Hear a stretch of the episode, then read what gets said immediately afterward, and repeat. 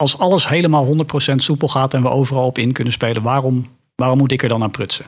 Op het gebied van organisatieontwikkeling gonst het continu van nieuwe visies, missies, trends en stromingen. Wat moet je met al deze geluiden? Ervan wakker liggen? Afwachten?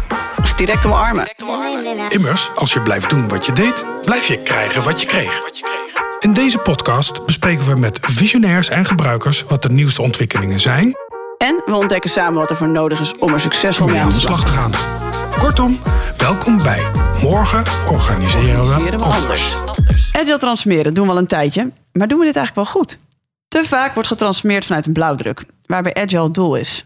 De vraag is waar het eigenlijk om moet gaan, is hoe organiseren we nou die toekomstbestendige organisaties? Een organisatie die zich continu kan aanpassen. Dat vraagt om transformeren meer richting de richting en los van een blauwdruk.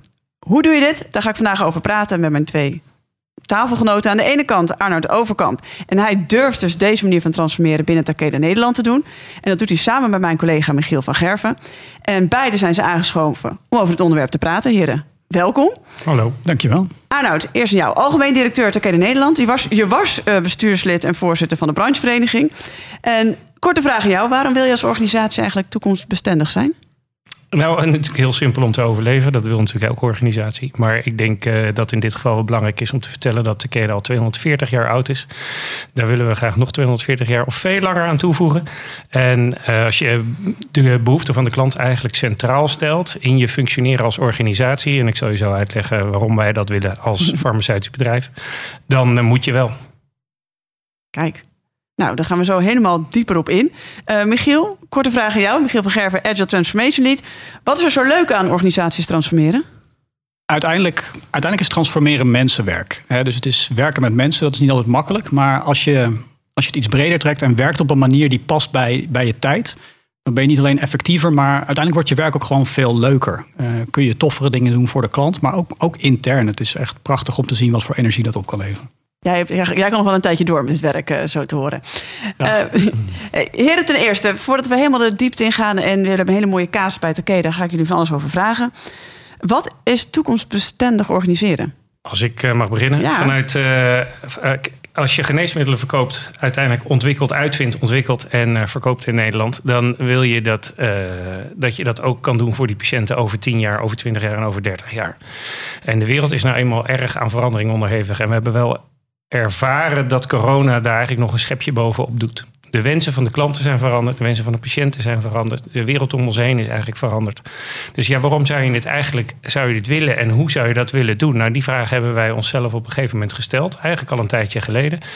En ehm, als je als je zo dicht functioneert op het welzijn van mensen, zoals hè, geneesmiddelen maken, ja, dan, en je voelt de impact van nieuwe geneesmiddelen die je op de markt brengt, wat dat brengt voor patiënten, dan, dan voel je ook al, wij moeten meebewegen met alles wat er om ons heen gebeurt. Dus dat, dat is eigenlijk ingebouwd geraakt in onze bedrijfscultuur. Zijn er dan ook organisaties... Michiel, kijk jou jij, jij komt bij allemaal organisaties over voor... die zeggen ik wil niet toekomstbestendig zijn? Of is het bijna zo'n dooddoener? Nou ja, ja, is het een beetje een dooddoener? Nou, nou misschien wel. Ehm, maar waar ik, waar ik banger voor ben persoonlijk... Is, is misschien de dooddoener die Agile wel eens een beetje is geworden in de afgelopen jaren. Eh, nou, mijn functietitel is natuurlijk Agile Transformation Lead. Dat is een hele rare stelling om in te nemen. Ehm, maar als ik kijk naar wat bedoelen we nou eigenlijk met een, met een agile transformatie. En dat eraan vind ik het ook heel leuk om het hier daar vandaag over te hebben met, eh, met jou en met Arnoud. Een, een organisatie die goed agile werkt, is een organisatie die in kan spelen op wat er buiten gebeurt, op wat er nodig is. En dat is echt iets heel anders dan een organisatie waar, laten we zeggen, iedereen in een scrum team werkt. Eh, dat is een organisatie die misschien op sommige plekken juist heel lean moet werken. En op andere plekken ehm, kan misschien waterval wel werken. Dus een organisatie die toekomstbestendig is, weet altijd te werken op een manier die past bij de werkelijkheid. En als die werkelijkheid verandert, en dan wordt het echt spannend, dan zijn we ook in staat daarin aan te passen. En misschien wel de hele organisatiestructuur zelfs snel te veranderen. En dat is wat wendbaarheid is. Niet, ja, niet gewoon werken in een scrum team. Dus als, als ik... Nee, maar daar, daar, je hebt me meteen getriggerd. Wanneer is dan dus ook een, een agile transformatie succesvol? Ja, volgens mij meet je het succes van zo'n transformatie dus ook niet af aan, aan, aan hoeveel agile er gedaan wordt. Ehm, kijk, dus uh, nou, we, hebben COVID meegemaakt. Uh, dat heeft van alles gedaan voor, voor, de, nou, voor de hele wereld, maar ook voor Takeda. Daar kunnen we misschien zo meteen iets uitgebreider over hebben. Uiteindelijk gaat het over business succes. Uh, en het succes van je patiënten en het succes van je klanten en het succes van je stakeholders. En heel belangrijk ook je interne mensen. Dus ervaren zij succes, dat is waar je aan werkt. En dat betekent dus ook dat we gaan kijken, nou ja, waar doet het misschien pijn in de organisatie? Daar werken we aan en we lossen dus businessproblemen op. Dus we kunnen beter praten over business agility, denk ik, dan over nou, agile met een grote A uh, in smalle zin. Ik zie, als ik mag aanvullen, ik zie ook best wel veel misstanden rondom dat concept agile. Um, recentelijk uh, kreeg ik nog van iemand van ons hoofdkantoor de vraag van... Uh, ik zie eigenlijk de kosten niet dalen in je organisatie. Je bent toch agile aan het werken? Dus hier zie je alweer zo'n ah. voorbeeld van... Hè, agile wordt door anderen geassocieerd met... ik denk in dit geval een verwarring met lean misschien. Maar... Um, um, het lastige vind ik dat agile eigenlijk meer een gedachtegoed is voor mij. Wat, hè, voor iets wat staat voor mij voor een manier van werken. En veel minder voor allerlei concrete resultaten. Zoals jij net zei, Michiel, van hè, hoeveel mensen zitten er in je Scrum-team. En het is eigenlijk de ervaring die je opdoet, die je te maakt. Wij hebben bijvoorbeeld een team gehad in het begin... wat zichzelf heeft opgesloten twee weken... en een klus gedaan had dat normaal drie maanden zou duren... en nu in twee weken afgerond. En die waren helemaal hilarisch over het succes wat ze geboekt hadden. En dan, kijk, dat gevoel, daar, dat is uh, waar, waarvoor ik uh, dit soort transformaties wil inzetten. Ja, dus niet zozeer. Hè, de, je kan dus niet meten aan het aantal scrumteams, als ik jou, jullie allebei goed hoor. Hm. Uh, wat vaak wel een misvatting is. Um, en je hebt dus eigenlijk misschien ben je ook nooit helemaal klaar, als ik jullie hoor. Um, maar je hebt als, als jij binnenkomt, Michiel, heb jij een paar echte businessproblemen aangepakt met de mensen zelf. En kunnen ze dat de volgende keer zelf of maakt het eigenlijk nog ineens uit? Ja, nou, dat is de bedoeling. Hè. Dus wij, ik ben altijd fan van het hebben van een, een lange relatie met de klant. Maar dat betekent wel dat ik je niet telkens met hetzelfde probleem wil blijven helpen. Uh, Scrum kan daar trouwens prima een middel in zijn. Maar als ik over drie jaar, noem maar wat, nog steeds bij Takeda kom en ik ben een Scrum team aan het trainen. Nou, dan heeft Arnoud me al lang weggestuurd. Laten we eerlijk zijn. Want dat, dat klopt gewoon niet. Uh, dus het kan wel zijn dat er iets nieuws is gebeurd wat iets nieuws vraagt. Nou, en dan help ik daar graag ook bij. Nou, laten we dan ook meteen maar gaan inzoomen, Arnoud, op Takeda en uh, bij jullie. Maar eerst even Takeda. Je zei het al, jullie werken in de farmacie. Wat leveren jullie voor mensen die helemaal niks vanaf weten? Ja, het zijn eigenlijk hooggespecialiseerde geneesmiddelen die je niet bij de apotheek vindt. Of de meeste eigenlijk niet bij de apotheek vindt, maar de meeste gaan eh, rechtstreeks naar het ziekenhuis. En het zijn meestal uh, ernstig zieke patiënten. En de, de categorie geneesmiddelen die wij, dat heet ook in het vaktermen wel weesgeneesmiddelen. Dat wil eigenlijk zeggen dat zijn geneesmiddelen voor hele kleine patiëntengroepen, zeldzame aandoeningen. Dus dat klinkt voor mij al niet echt heel efficiënt om die eigenlijk te maken. He, met mijn efficiency gedachten. Het is wel handiger om met een hele grote batch te kunnen werken, natuurlijk qua, qua geldwinst, dan, dan deze club. Waarom doen jullie dan toch uh, deze geneesmiddelen? Uiteindelijk wil je veel. Uh, het is een beetje de filosofie van het bedrijf ook. Je wil waarde toevoegen. Het is van oorsprong Japans. De, dus waarden, de Japanse waarden worden sterk overgebracht naar de organisaties in de landen, zoals die in Nederland. En um, je, wil, je wil waarde toevoegen voor de klant uiteindelijk. Dus als geneesmiddelen patiënten, wij hebben geneesmiddelen waar patiënten anders overlijden, maar door onze geneesmiddelen niet. Nou, dan, dan voeg je veel waarde toe hè, aan, aan het leven en aan de patiënt. En familie en vrienden. En uh, da daar doen, doen, we het eigenlijk voor. Dat is eigenlijk uh, de essentie van dat waarde toevoegen. En, en, natuurlijk, we zijn een commercieel bedrijf. Uiteindelijk uh, verdienen wij ook aan de verkoop van geneesmiddelen. Dus uh, dat is natuurlijk ook waar. Alleen je probeert zoveel mogelijk die combi te maken tussen je, dat je dat gevoel ja. hebt dat je iets betekent, maar ook een commercieel bedrijf kunt zijn. Mag ik hierop inhaken, Minke? Ik vind dat ik, het is belangrijk wat, wat, wat Arnoud hier zegt. Uh, we zitten in. Takeda zit in de markt voor weesgeneesmiddelen. En dat betekent dus nou, een kleine patiëntengroep. En dat betekent dus automatisch onzekerheid. En waarom stip ik dat aan? Um, Takeda is meer agile aan het organiseren, omdat wat past bij de strategie van Takeda. Uh, dus als Takeda een farmaceut zou zijn die vooral nou, paracetamol over de toonbank schuift, dan hebben we agile helemaal niet nodig, want het is een ontzettend zekere markt. En ik wil dat wel even aanstippen, want volgens mij is dat een belangrijke les. past dit bij deze organisatie om dit te doen? En in dit geval volgens mij een absolute match. Omdat het een onzekere afzetmarkt is? Ja, zeker. Check. Dat is meteen een goede checkvraag als je zelf nog zit met... hey, moet ik wel of niet agile en op deze manier? Onzekere afzetmarkt. Is dat uh, de grootste uitdaging in jullie sector? Of zijn er andere uitdagingen? De vele veranderingen die we zien eigenlijk op, uh, op, op regelvlak, dat is uh, oh, zeker ja. een uitdaging. Het is altijd spannend of geneesmiddelen uiteindelijk de eindstreep halen. Daar, uh, want als ze er eenmaal zijn, dan is de druk hoog om meteen succesvol te willen zijn in de markt. Dus wij moeten altijd vooruit werken eigenlijk bij de komst van nieuwe geneesmiddelen. Hè. Jaren vooruit zijn wij aan het werken dat als ze komen, dat we dan er helemaal klaar voor zijn. En wat je ook ziet is dat ehm, een beetje, Michiel noemde net paracetamol en jij zei net Minke zelf, de uh, farmaceuten, he, heel veel geneesmiddel maken voor heel veel patiënten is veel efficiënter. Dat klopt ook. Er waren ook heel veel farmaceuten die in het verleden zo dit soort producten hadden. Hè. Wij noemden dat dan blockbusters. Dan had je vooral heel veel van hetzelfde. Ja, dat kun je op de toonbank gooien. Precies. Ja. Um, wat je nu ziet gebeuren is door deze weesgeneesmiddelen dat, dat je ook een heel ander organisatorische opzet kiest. Want um, vroeger kon je heel makkelijk een heel marketingteam en een salesteam organiseren, want dat was een groot product.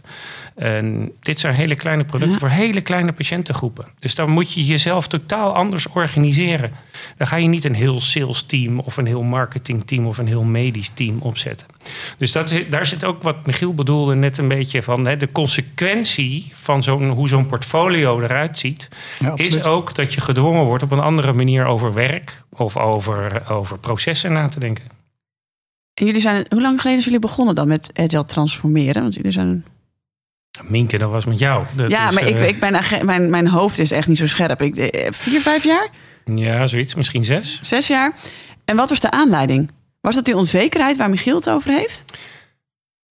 Ja, dat denk ik wel. Ik denk uh, het, het, zien, het zien veranderen van de wereld, uh, wel mee willen doen. Um, wel ook zoeken naar uh, hoe kan ik die verandering vertalen naar, naar ik dan als eindverantwoordelijke in, in een land, hoe kan ik dat vertalen naar wat ik vraag van mensen? Wat voor, wat voor werk ik in de aanbieding heb? Hoe ik mijn interne organisatie structureer? Daar waren op een gegeven moment te veel vragen tegelijkertijd. En toen dacht je, waarschijnlijk zit in die agile hoek wel een antwoord. Ik had daar, ik had daar een keer een boek over gelezen. Ja, zo, ik, uh, ja. ja, zo zat het een beetje, inderdaad. Maar je hebt niet gekozen voor een agile blauwdruk. En daarmee bedoel ik, hè, we, zien, we komen bij heel veel organisaties. En dat is op zich ergens voor ons een hele makkelijke startvraag. Want die vragen gewoon: kom eens met een blik van uh, tien, uh, weet ik voor hoeveel agile coaches binnen. En we willen gewoon de hele club, dat iedereen agile in een scrum team of in ieder geval multidisciplinair team werkt. En dan kan er een strikje omheen en heb je werk goed gedaan. Jij hebt die opdracht nooit gegeven, uh, maar neem ons mee in je gedachtegang. Want dat was op zich, zou ik, als je een boek hebt gelezen, dat stond ook vaak in de boeken. Ja. ja. Ik geloof, ik, nou, ik, het heeft misschien wat minder met deze podcast te maken, maar ik ben gedurende de jaren veel minder, veel minder in plannen gaan geloven. Al als ze gaan over, ik geloof nog steeds wel in bepaalde plannen, maar niet als ze gaan over cultuur, uh, langetermijn bedrijfsopzet, uh, grote veranderingen, transformaties. Ik, ik, ik, natuurlijk zitten daar planmatige elementen in, maar ik geloof eigenlijk niet dat dit het, eh, de route tot succes is. Dus bij, dat, bij deze agile. Hoezo niet? Ik vind het heel interessant. Hoezo heb je ergens op een gegeven moment bedacht, nou, of misschien altijd al, dat plannen met jou hebben we op een gegeven moment, ik denk dat was een soort eerste stadium, hebben we gezegd van we hebben, een, we hebben een directie. En in die directie heeft iedereen zijn eigen verantwoordelijkheid. Maar om te voorkomen dat we allemaal op ons eigen eilandje blijven zitten, hebben we toen een heel groot bord op de muur gehangen, een grote cirkel. Daar staat eigenlijk elk kwadrant in die cirkel, of elk taartpuntje in die cirkel was een afdeling. En iedereen gaf een beetje aan waar, waar die mee bezig was en wat er speelde. Uh, en dat was een mooie eerste stap om wat, wat meer te zeggen van, is, is de directie eigenlijk meer dan de som der delen, ja of nee? Nou, dat was stap 1. Toen is het eh, eigenlijk doorgeëvolueerd naar uh, het project waar we nu met Michiel zitten, wat veel intensiever is. Dat was een beginnetje, maar nu veel intensiever is. Waar, waar, waar ik eigenlijk zeg van, nou, ja, mijn tip zou eigenlijk zijn aan iedereen die, die, die dit zou willen, is heb een visie als die gaat over cultuur die gaat over mensen. Heb dat in je gedachten en begin dan gewoon. Heb niet een blauwdruk, heb niet een plan. Want dat vroeg je eigenlijk. Ja. Hè, van, en heb dat niet. Het is, te, het is veel te ingewikkeld daarvoor. Het is veel te complex. En het gaat over waar we net over mee begonnen. Ook die beleving van mensen. Dat ze voelen dat het werkt. Dat ze doorhebben dat ze hun werk efficiënter kunnen organiseren. Hè, dat dat dat tradi- traditionele denken van hoe je over een vergadering denkt. Iedere maandag, ik, ik ken ze, ik heb ze heel veel gehad. Iedere maandagochtend een vergadering, zelfde agendapunten. Iedere week opnieuw.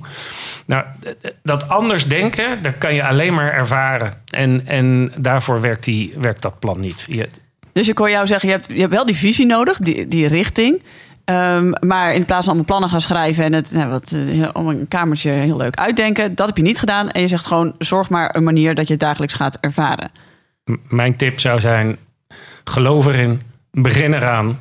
Vraag hulp. Er zijn een paar voorwaarden, kunnen we zo nog even Ja. voor het succes. Maar begin eraan eh, en ga het gewoon doen. Ja, ik, ik, vind, ik vind het heel mooi om te horen. Want eh, eh, dit is ook waarom ik het heel tof vind om, om met jullie te werken, Arnoud. Want eh, in, ja, in de literatuur zouden we dit misschien vector theory of change noemen. Nou, dat is, eh, moet je misschien gelijk vergeten. Maar we, we, kiezen, we kiezen een koers en we gaan lopen. En we weten trouwens niet eens precies waar we eindigen. Dat vraagt echt heel veel lef. Wij willen wendbaarder worden, want we hebben daar allerlei goede strategische redenen voor. Eh, we zien dat dat nodig is. En we gaan die kant op bewegen en we gaan dat ervaren. En we gaan nou, die onzekerheid dus ook echt omarmen. En we gaan telkens kijken wat heeft deze organisatie nu nodig om, om een betere organisatie te worden. Nou, ja, heel veel lef. Eh, maar je doet ook vooral recht aan de situatie. Eh, dus we zitten in deze situatie en we gaan kijken, ja, wat past hier nu bij? En je doet inderdaad ook recht aan je mensen. En ik vind het heel goed dat je dat zegt. Ehm, eh, nou, iedereen heeft de kans gekregen om hiermee te experimenteren. Maar dat betekent ook dat je, nou, misschien wat meer in vak hebben, dat je ook pool genereert hiervoor. Mensen mogen zelf kiezen, zou dit werken in deze context? En dat betekent dat er nog steeds prima projecten zijn binnen Takeda die heel anders werken. Eh, maar als er met Kanban gewerkt moet worden, als er met Scrum of Obea misschien gewerkt moet worden, dan gebeurt dat in context en dan gebeurt dat omdat mensen dat zelf willen. En ik vind dat een hele belangrijke, als we het toch hebben over randvoorwaarden, dat is absoluut een randvoorwaarde voor mij. En wat bedoel je met pool? Nou, dat, het omgekeerde zou zijn de foie gras benadering, dus daarmee de push benadering. Ehm, ik kom geen agile, te- kan ik ook helemaal niet, dan luisteren mensen niet, maar ik kom je niet door de strot, niks door de strot duwen. Ik kom met je praten over hey, welk probleem zou je graag willen oplossen. Ehm, hey, hebben we misschien last hier van, eh, nou, lo- loopt dit proces stroef?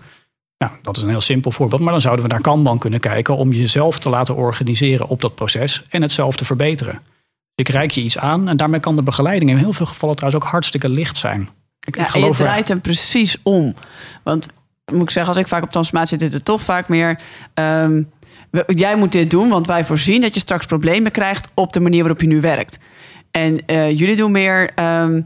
al- mocht het probleem komen, dan ben ik er. In jouw geval, Michiel, misschien nog wel, ik denk wel wat meer mensen, om je dan te helpen met wat er dan op dat moment nodig is. Ja, maar er is, en dat is ook belangrijk, er is wel een kader bij. We zetten wel de beweging naar wendbaarheid, naar een wendbaardere organisatie. Die zetten we wel in. Dat is wel de koers. En hoe doe je dat?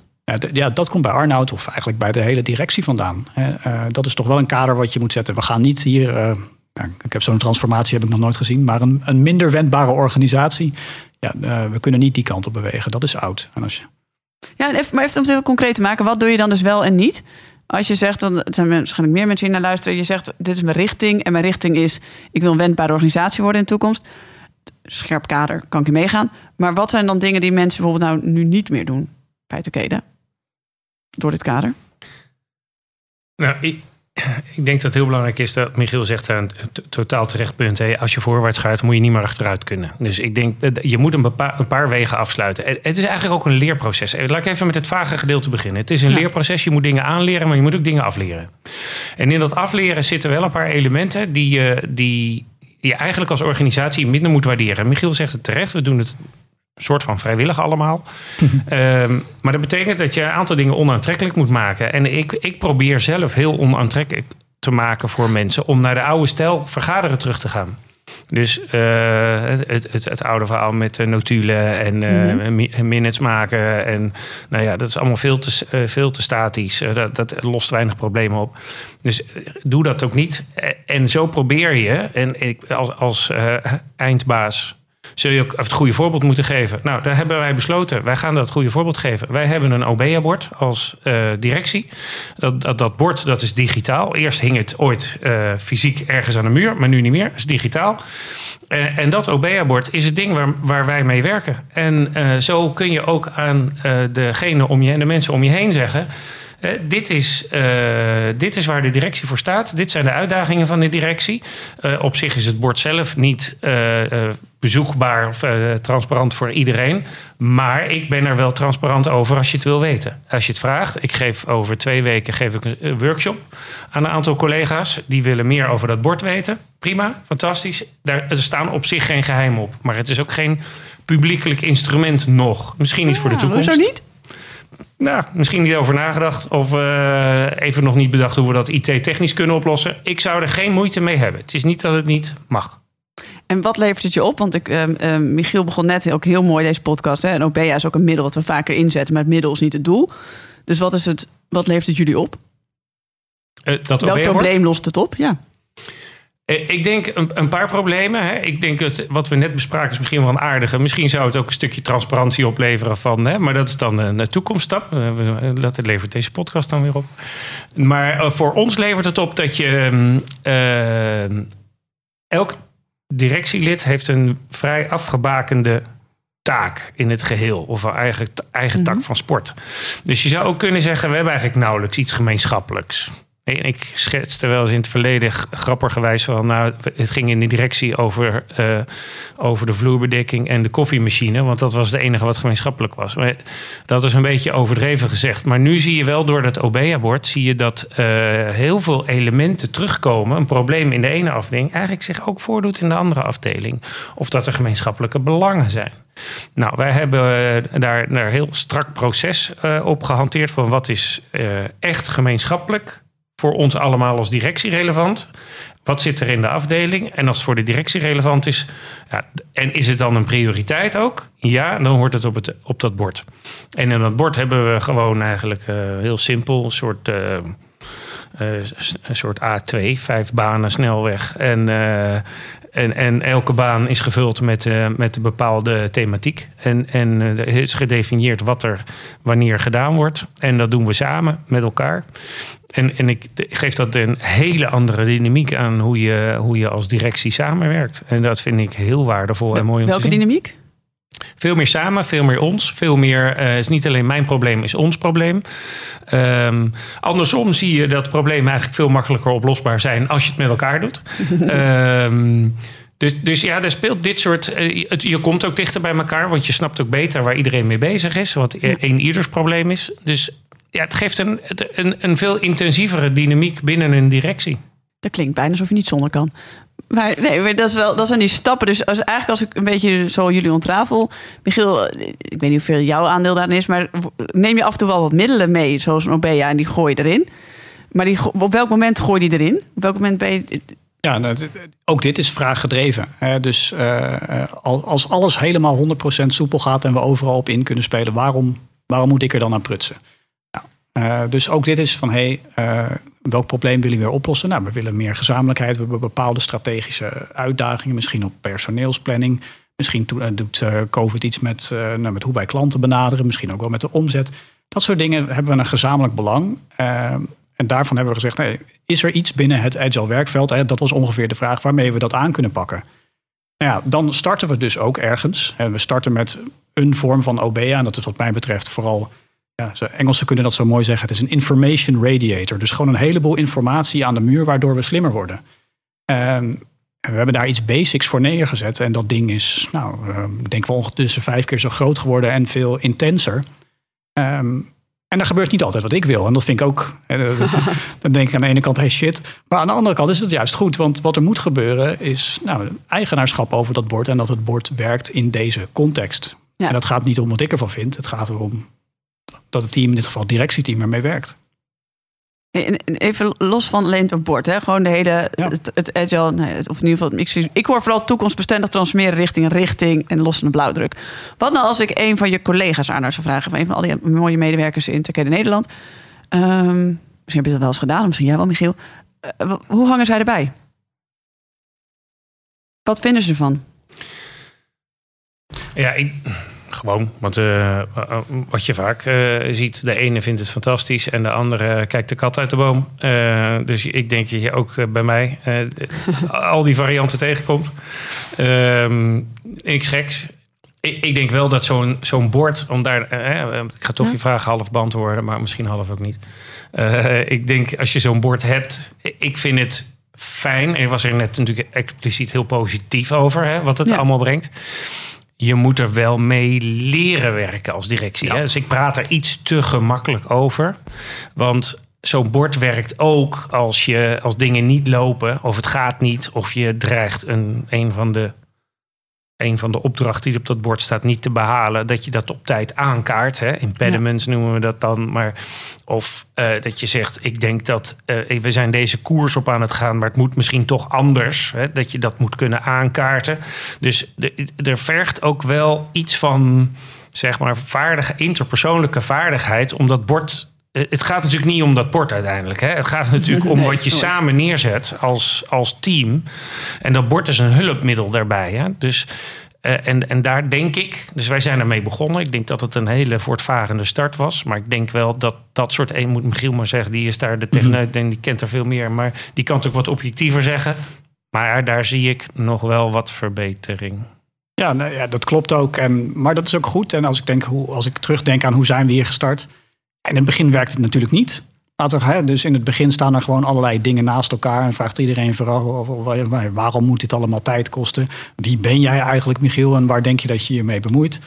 Um, en dan helpt het dat, om rugdekking te krijgen van, ja. van, van, Arnoud natuurlijk. Uh, het helpt ook hè, dat, dat Marleen er is, met iemand met uh, interne edzoco's met veel expertise. En die snapt ook de lokale context. Uh, dat zijn allemaal hele belangrijke dingen. Maar uh, wat we hebben afgesproken, en dat spreken we nu nog steeds af, in dit geval bij OBA. Um, we gaan ermee aan de slag en we gaan het een tijdje uitproberen. En daarna gaan we ook evalueren. En wat er wel werkt, dat, nou, dat zetten we door. En werkt het niet, dan gaan we het veranderen. En dat zou kunnen betekenen dat je het helemaal afschaft. Nou, dat is niet gebeurd, maar het is wel significant veranderd. En wat Arnoud zegt is inderdaad het allerbelangrijkste. Uiteindelijk is dit gedrag. En het gedrag is echt veranderd. En dat gebeurt niet in één week en ook niet in drie weken, of misschien ook niet in vier. Maar op een gegeven moment gaat ergens het knopje om. En iemand durft te zeggen: shit, ik heb hier een echte belemmering die een strategisch doel raakt. Want dat was iets wat ze daarvoor niet durfden te zeggen. Of niet werd gezegd. Nou, nou in ieder geval in de eerdere meetings waar ik bij was, minder. Um, en dat is, nou, ik weet niet of iedereen dat zich realiseert, maar als directielid kwetsbaar durven opstellen, is eigenlijk misschien wel veel moeilijker dan in een tussen haakjes normaal team. En, en dat heeft op een gegeven moment wel het verschil gemaakt. Dus de eerste die opstaat, die dat doet en dat op tafel legt, uh, of misschien, en wat ook heel erg helpt, als iemand gewoon hartstikke sceptisch is over de werkwijze. Nou ja, het is goed. Hoe denk jij dan dat dat moet? Hè? Hoe gaat het voor jou wel werken? En dat is het gesprek wat we met elkaar moeten helpen. Dus hoe, hoe, hebben we, nou, hoe kunnen we wendbaar zijn op onze koers, maar ook hoe we dingen doen? Ja. En nou ja, ik, ik ben er nu vaak nog bij, maar ik kan me heel goed voorstellen dat het helemaal niet zinnig meer is dat ik erbij ben. En dan, uh, ja, dan doen ze het zelf. Hey, en wat, waar zien jullie dan? Hè, want het klinkt allemaal heel mooi bij mij. En het, het, dat is bijna, oh, die wil ik ook. Um, maar het moet er ook af en toe ergens shit zijn gegaan. Of dingen waarvan jullie nog steeds denken, nou, dat hebben we echt stom gedaan. Niks? Mm. Ik zie hier twee denkende gezichten tegenover me. Ja, ja, kijk, dus er, is, er zijn varianten van shit, denk ik. Hè. Er, gaat, dus er gaat, er, gaat er nooit iets mis. Natuurlijk wel, maar het gaat om hoe we het samen oplossen. Um, en, uh, Laat ik zo vragen. Had je iets achteraf anders willen doen, Michiel? Gewoon vanuit jouw rol. Um, nou ja, nou, misschien, uh, dus bij, bij OBA hebben we best wel wat sceptisch gehad. Misschien dat we meer aan de voorkant weg kunnen nemen.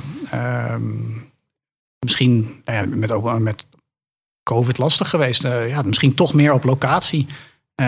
zijn we wel, vanuit mijn rol ben ik wel genoeg bezig geweest met wat elk directielid individueel bezighoudt heel belangrijk om daarin te investeren. Want dan snap je de dynamiek beter. En om even een beetje meer terug te komen op het begin. We lossen hier businessproblemen op. Ja. Dus wat is jouw businessprobleem? Hoe help ik jou daarbij? En de weerstand die ik hier zie is misschien helemaal niet de weerstand tegen de werkwijze. Maar misschien heb jij wel eens ergens een blauwdruk agile transformatie gezien of meegemaakt. En beviel dat je niet. Nou, dat is trouwens een hele logische reden om hier wat van te vinden. Ja. Um, dan kunnen Iets we daar kunnen investeren. Dat is wel een learning die jij ja, voor jezelf dat, dat meeneemt. zou ik denk ik, uh, dat zou ik denk ik anders doen. Ja. Arnoud, jij? Ja, ik moest er even over nadenken net. Maar ik denk dat ik niet zozeer zou zeggen dat er iets, dat ik iets anders gedaan zou hebben. Maar ik denk dat ik wel zie dat dit proces langzamer gaat dan ik misschien ja, in mijn gedachten had. Dat ik gehoopt had.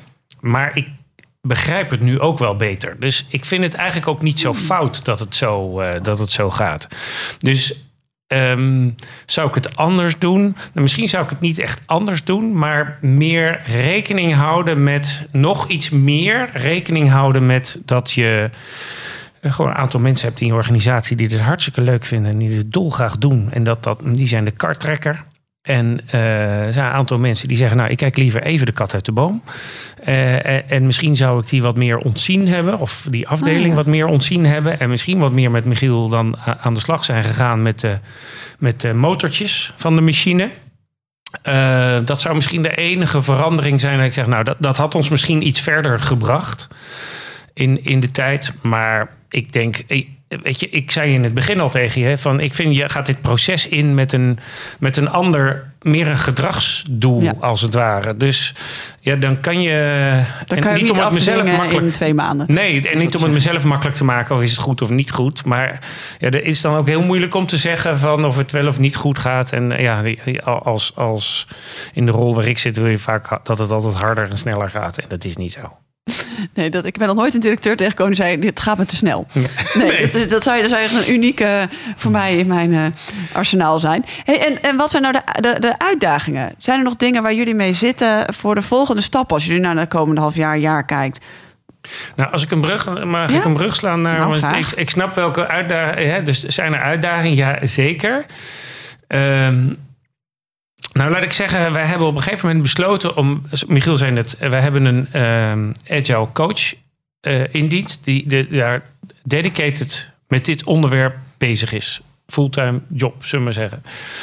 En dat heeft wel echt een heel groot verschil gemaakt. Dus um, zij heeft op een gegeven moment ook een gilde van Scrum Masters gecreëerd. Die in de organisatie zitten, die ook weer zeg maar de ambassadeurs van Agile zijn. En dat was wel een dat is een slimme move. Want dan heb je. Uh, anders moet alles van het goede voorbeeld komen van de directie. Ja. Uh, of van de, de projecten die Michiel en Marleen doen. Dus wat ik ermee wil zeggen, en dan ga ik je vraag beantwoorden, is hè, als ik voorwaarts kijk. Het is toch een soort momentum wat je creëert met elkaar, met het hele team. En hoe efficiënter je dat kan doen en hoe beter je dat kan doen met hoe meer mensen hoe sneller die beweging gaat. En, en dat is toch, uh, dat gaat met een versnelling. En op een gegeven moment, als, als, als het gos gaat, dan zie je dat, dat het ineens heel hard gaat. Ja, mooi gezegd, denk ik. ik uh, wat ik daar nog misschien aan toe zou willen voegen. Uiteindelijk is het niet alleen. Um, een organisatie is geen machine. Hè. Een organisatie is een ecosysteem, maar er is ook een ecosysteem omheen. En, en dat vind ik nog wel een, nog wel een belangrijke uitdaging. Uh, dus Takeda Nederland staat niet alleen. Er zit ook een ring van, van Europa en van Japan omheen. Uh, en soms zitten daar, zitten daar dingen in de weg. Of zouden we dingen sneller of anders kunnen doen. En dat geldt misschien op Europees niveau, maar ook misschien in Nederland. Dus waar ik persoonlijk nu heel erg mee bezig ben, is kijken niet, uh, niet waar kunnen we allemaal sneller gaan, maar waar zitten de remblokken? Hè? Waar, waar zit deze organisatie misschien vast? Uh, nou, kunnen we daar smeerolie tussen stoppen? Kunnen we misschien gewoon. Heb je een voorbeeld? Nou, ik ben bijvoorbeeld ondertussen in gesprek over het recruitmentproces. Uh, en daar, daar heeft de, de, Europese poot heeft daar een hoop mee te maken. Um, nou, en dat, dat betekent handovers en dat betekent dat het eigenlijk wel een stukje sneller zou kunnen. Dus uh, nou, Marleen en ik samen zijn daar nu onze tijd aan het investeren. Want, en dan komen we terug bij het begin, dat is een bedreiging voor strategische wendbaarheid. Als we, ja, als we mensen hier niet in dienst kunnen krijgen, omdat we gewoon niet snel genoeg een contract kunnen aanbieden, eh, dat, ja, nou, dan bestaan we over 240 jaar niet meer. Precies.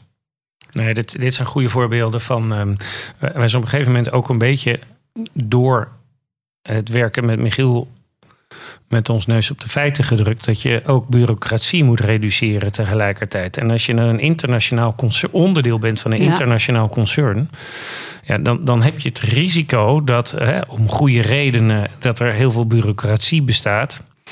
Maar je helpt je eigen mensen niet om die bureaucratie dan in stand te houden. Dus wat kun je. Het, het is dan een opgave om te kijken wat kun je of reduceren of onbelangrijk maken of misschien negeren zelfs.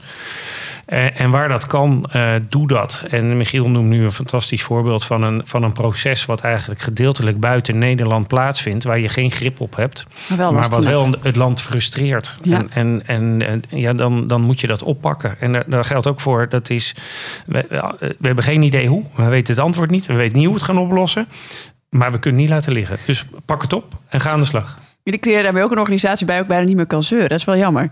Nee, maar dat, dat is meteen. Maar je kan niet meer zeggen van. Ja, eh, dat doet Europa zo shit. eh, dat vind ik shit. En dan gaan we over zeuren bij het koffiezetapparaat. Ik hoor bij jullie zeggen. Ja, dat is dus een blokkade die ons wendbaarheid in de weg zit. Ja, laten we het dan gaan kijken hoe ver we het kunnen fixen. Ja, en dan mag je ook meedoen inderdaad. Hè? Ja, dat moet er ook eh, bij jou dus het is waarschijnlijk, een- ja. eh, dus dit is een, inderdaad onderdeel van een grotere beweging. En wat we eigenlijk daarin gezegd hebben... oké, niet alles is hier oplosbaar. Dit is ook best wel een zwaar gereguleerde sector. En daar zijn trouwens Ja. in veel gevallen ook gewoon goede redenen voor. Eh, maar we gaan wel kijken... eh, kunnen wij hier elke week gewoon één dingetje 1% beter maken? Nou, dat is helemaal niet zo moeilijk. dus dat, eh, dat, dat lukt wel. En de grap is, heel veel beter dan dat lukt ook wel. Maar als je erin gaat met die mindset en gewoon telkens dingetjes begint op te pakken, dan wordt het op een gegeven moment veel makkelijker om te dansen. Want Arnoud zei, ja, onze mensen zitten misschien af en toe, toe vast in bureaucratie. Je kunt moeilijk mensen vragen om laten zeggen, nou, eh, hè, tikkie-takkie voetbal te spelen, maar ondertussen staan ze tot hun middel in de modder. Nou, dan laten we dan eerst eens even wat modder van het veld halen. En Oh, oh, wat een mooie analogie met het WK vrouwenvoetbalopkomst of EK, sorry. Ehm, wat zijn de voorwaarden voor succes? Ik ga langzaam richting de afronding. Jullie hebben een paar voorwaarden genoemd. Ik weet nog, ik heb even snel meegeschreven. ehm, eh, experimenten opstarten. Überhaupt een, een heldere richting hebben, eh, hoor ik jullie zeggen. Eh pool, kwam jij mee, Michiel? absoluut, Eh, kaders, toch wel een paar kaders zeker. hoor ik eh, jullie zeggen. En ehm, ik vond hem mooi die jij net al zei. ehm, eh, zorg elk, elke week dat je 1% verbetert. Daarmee maak je het ook een soort van klein in mijn hoofd. Andere. Mm, Ik denk dat je lef moet hebben. Ik denk dat le- lef, eh, Ja. voor hè, wie het ook doet, maar eh, die- die- wie ook in de directie, maar ook wie het project, een agile project gaat doen, waar je ook in een team zit. Het vraagt even om lef te hebben, om iets op te pakken waar je even een ongemakkelijk gevoel bij hebt en denkt van, eh, wat kan ik hier eigenlijk aan doen? Ik weet het niet. Je hebt geen antwoorden en toch doen. Hoe stimuleer je lef? Oeh, dat is een goede vraag. Nou, misschien is daar. eh, ehm, ja, safe spaces noemen we die wel eens. Dus hè, kunnen we, kunnen we, we hebben het woord experimenten al gebruikt, maar eigenlijk wat we zeggen is: iedereen binnen deze organisatie moet de kans krijgen om op, om op zo'n manier te proberen om te, eh, te werken. Is dat wat voor je? Snap je wat het voor je kan doen? Ehm, maar dan moet je dat wel op een plek kunnen doen eh, waarbij je, nou, als je dan misschien op je bek gaat, dat niet gelijk je hoofd eraf gaat. Dus we Precies. hebben echt, echt bewust binnen bepaalde projecten en ook wel high-profile projecten gezet. Het is hier belangrijk om te leren en te experimenteren. En dan gaan we dus echt op een andere manier doen. En dat voelt trouwens heel erg ongemakkelijk. ook, voor, ook voor directieleden. Maar we gaan het wel doen. En gaat het dan mis, dan heb ik wel je rug. Ja. En de grap is, het is helemaal niet misgegaan. Dus we hebben niet kunnen testen of dat Ah. echt zo was. Nou, maar dat is wel. Ik dat bel is je over een jaar weer. Horen Ja. waar het dan hopelijk ergens een keer mis is gegaan met de wet. Nee, maar ik snap wat je bedoelt. Dat is wel nodig voor lef. hey, en ehm, ehm, als je hier meer over wil lezen. ehm, ik kijk jou maar misschien heb jij ook wel Arnoud nog tips. Wat, want er is- ik, heel veel te lezen over agile transformeren. Maar het is toch best wel vanuit die blauwdrukgedachte. Eh jullie doen het hier vanuit een richtinggedachte. Is er ergens waar ik terecht kan voor verdieping? Ja, ik, ik, ik, hecht aan het ge- gedachtegoed van Goldraad. En die zegt eigenlijk... ehm, ja, a theory of constraints, zegt hij. Dus je, je moet daar gaan kijken... eh, nou, waar deze organisatie het meeste last van heeft. Hè, waar, de, waar de funnel misschien het smalst is. Waar we door een heel klein nou, een eh, oogje heen moeten. Laten we daar nou eens eerst gaan kijken. Dus los, los echte dingen op. En dan komt dat draagvlak ook. Want dan, als we het misschien hebben over bureaucratie... als ik jouw leven makkelijker maak... dan wil je daarna ook wel luisteren. En misschien heeft hij nog wel meer goede ideeën. Dus dat zou echt een tip zijn. Ehm, Vector Theory of Change komt bij, uit eh Kinefin. Dus het gedachtegoed van Dave Snowden, daar, eh, daar hecht ik ook aan. En ehm, nou, als we kijken naar business agility, hè, dus agility veel breder dan alleen gewoon agile met een grote A, om dat onderscheid maar even te maken, dan zou ik echt bij het Business Agility Institute gaan kijken. Ehm, dat is een, een wilde aan informatie. Ik hou het even bij gedrag, daar ben ik ook mee begonnen. En eh, ik ben geïnspireerd geraakt door het idee van growth mindset en fixed mindset. En dat zette mij wel op het spoor van ja, hoe, hoe je problemen benadert of hoe je uitdagingen eh, eigenlijk verwerkt als mens. En dan niet ziet als beperking, maar als kans. En, en hoe, je, hoe je dat, uh, nou, daar vind ik Agile fantastisch bij passen. Growth fixed mindset en eigenlijk die growth mindset die maar verspreiden in je organisatie. Precies. Zijn er nog dingen niet gezegd, heren? Nee. Ja, we kunnen hier nog dagen over ja, praten, maar laten we dat gewoon niet doen. Nou, eh, wellicht uh, de volgende keer nog weer, want ik ben benieuwd wie er over een jaar staan en waar jullie dan weer tegenaan lopen.